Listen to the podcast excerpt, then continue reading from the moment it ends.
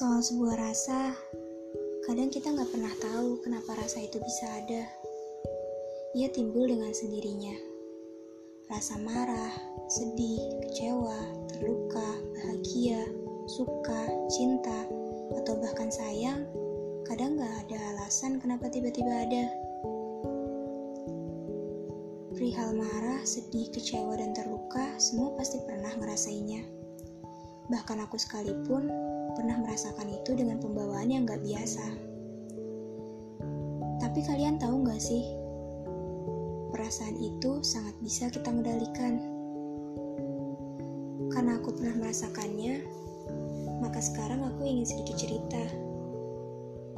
Semua yang ada di dalam kita, hanya kita yang bisa mengendalikannya, termasuk semua rasa yang aku sebutkan di antaranya. Gini, aku pernah marah dengan sangat, sedih tanpa alasan, kecewa, bahkan merasa terluka dibuat oleh seseorang. Sampai titik di mana aku berpikir, apa guna marah kalau semua hanya bisa menghancurkan suasana? Apa guna sedih kalau sedih hanya membuat semua nggak baik-baik aja? Dan apa guna kecewa jika itu datangnya hanya dari ekspektasi kita?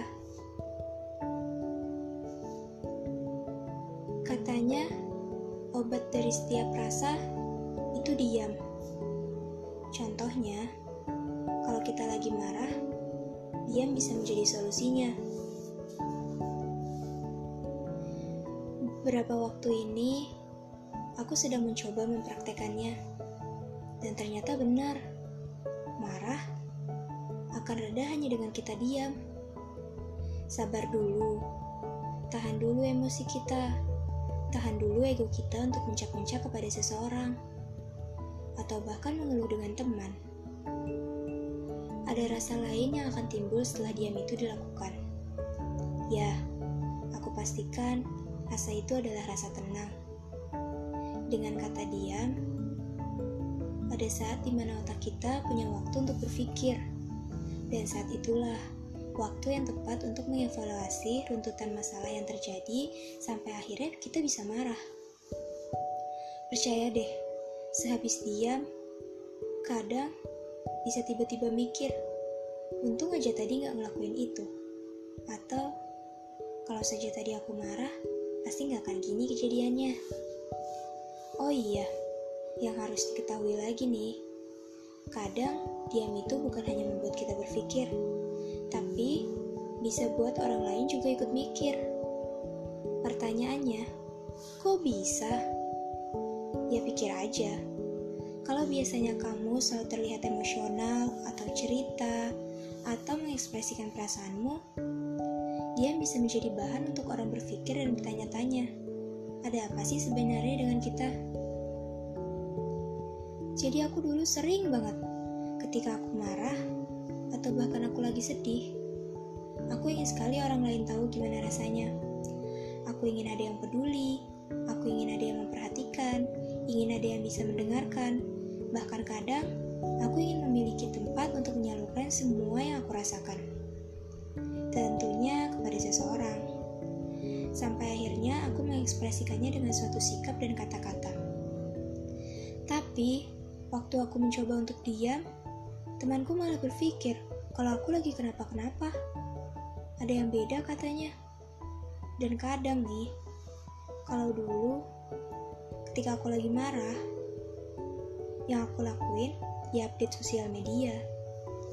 Harapannya biar ada yang bales, biar bisa punya temen untuk cerita. Ya tidak salah sih memang, semua bebas berekspektasi dengan bentuk apa saja. Dan tapi dalam kasusku kadang memang ada sih yang membalas updateanku dengan alih-alih peduli. Sampai aku percaya orang itu bisa menampung ceritaku bahkan berharap ia memberikan solusi. Tapi kadang harapan kita nggak sesuai sama realita. Kadang juga setelah kita cerita malah nyesel. Suka mikir, kenapa sih harus cerita padahal hal kecil aja? Bisa kok tadinya kita tahan sendiri, nanti juga selesai dengan sendirinya. Coba aja tadi doa, pasti gak akan gini akhirnya. Sampai pernah di otakku tuh adalah marah. Gini katanya, harusnya kamu tuh sadar, mungkin aja orang yang nampung cerita kamu punya masalah yang lebih besar.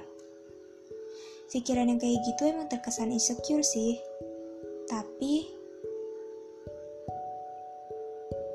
yang aku rasa ya nggak salah juga. Ya memang benar, toh Tuhan juga menjanjikan kan Tuhan gak akan ngasih masalah di luar batas kemampuan hambanya. Oh iya, kadang juga ada kok saat-saat di mana updateanku gak ada yang bales. Kalau kayak gitu, pasti makin kecewa dan makin sedih jatuhnya. Di sini titik baliknya. Perasaan buruk itu timbul kadang juga karena ekspektasi kita sendiri. Makanya, semua rasa sakit yang ada dalam diri kita, pasti kita bisa kok ngendaliinnya dengan cara kita. Tergantung gimana cara kita menyikapinya. Sok, boleh dicoba. Siapa tahu kalian bisa lebih membaik setelahnya. Dan pastinya harapanku adalah setelah kalian mendengar ini, kalian tidak lagi merasakan hal-hal buruk itu. Sekalipun manusiawinya kalian pernah merasakan itu, kalian bisa menyikapinya dengan benar. Ya nggak boleh kelewat kalau kita ngomongin rasa nih. Rasa juga bisa timbul dengan bentuk yang menyenangkan. Seperti bahagia. Tapi biar aku ingatkan. Semua rasa diciptakan Tuhan berpasangan sama kayak kita. Ya iyalah, contohnya gini. Ada rasa suka, pasangannya tidak suka atau benci. Ada rasa senang, pasangannya sedih, atau kecewa. Ya, pokoknya gitulah ya. Nah, kalau rasa yang katanya menyenangkan itu seperti apa sih adanya?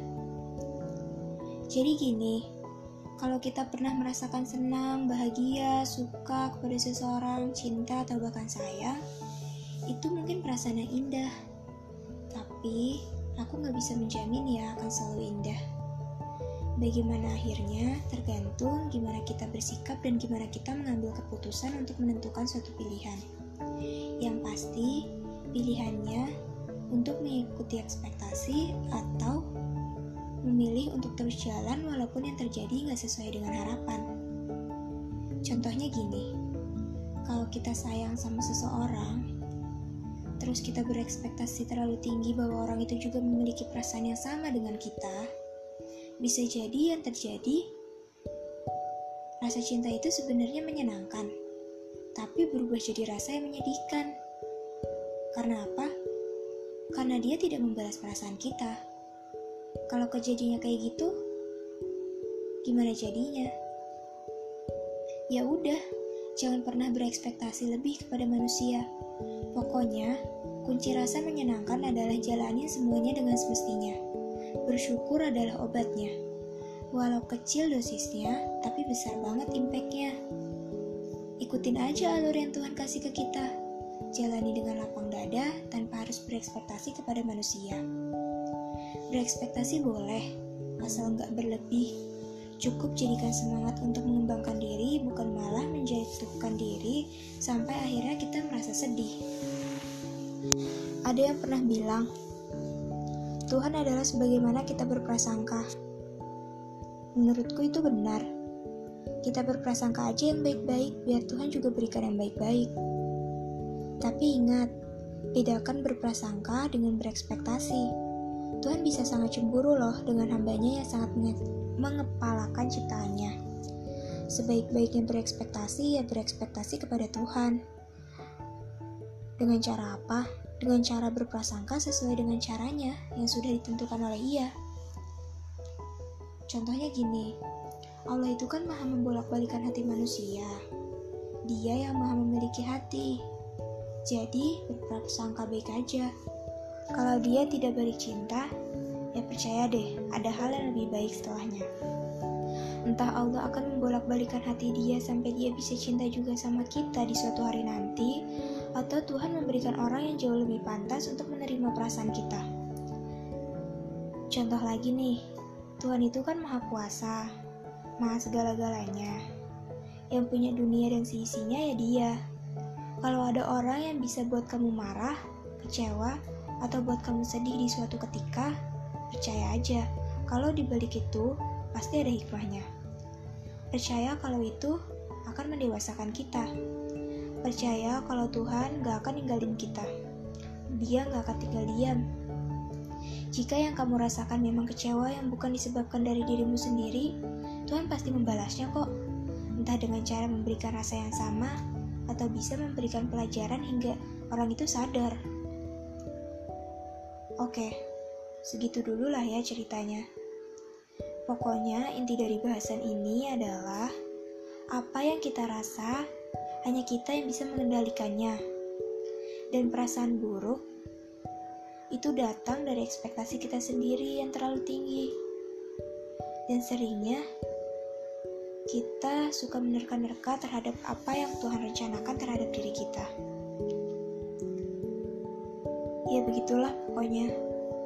Di sini aku bukan ingin menggurui, hanya ingin berbagi cerita dan berbagi pengalaman. Aku juga masih belajar. Kadang aku masih kesulitan. Makanya aku buat ini. Tujuanku nggak lebih untuk mengingatkan diriku sendiri. Aku berharap ini bermanfaat. Sampai ketemu di lain kata jika sempat.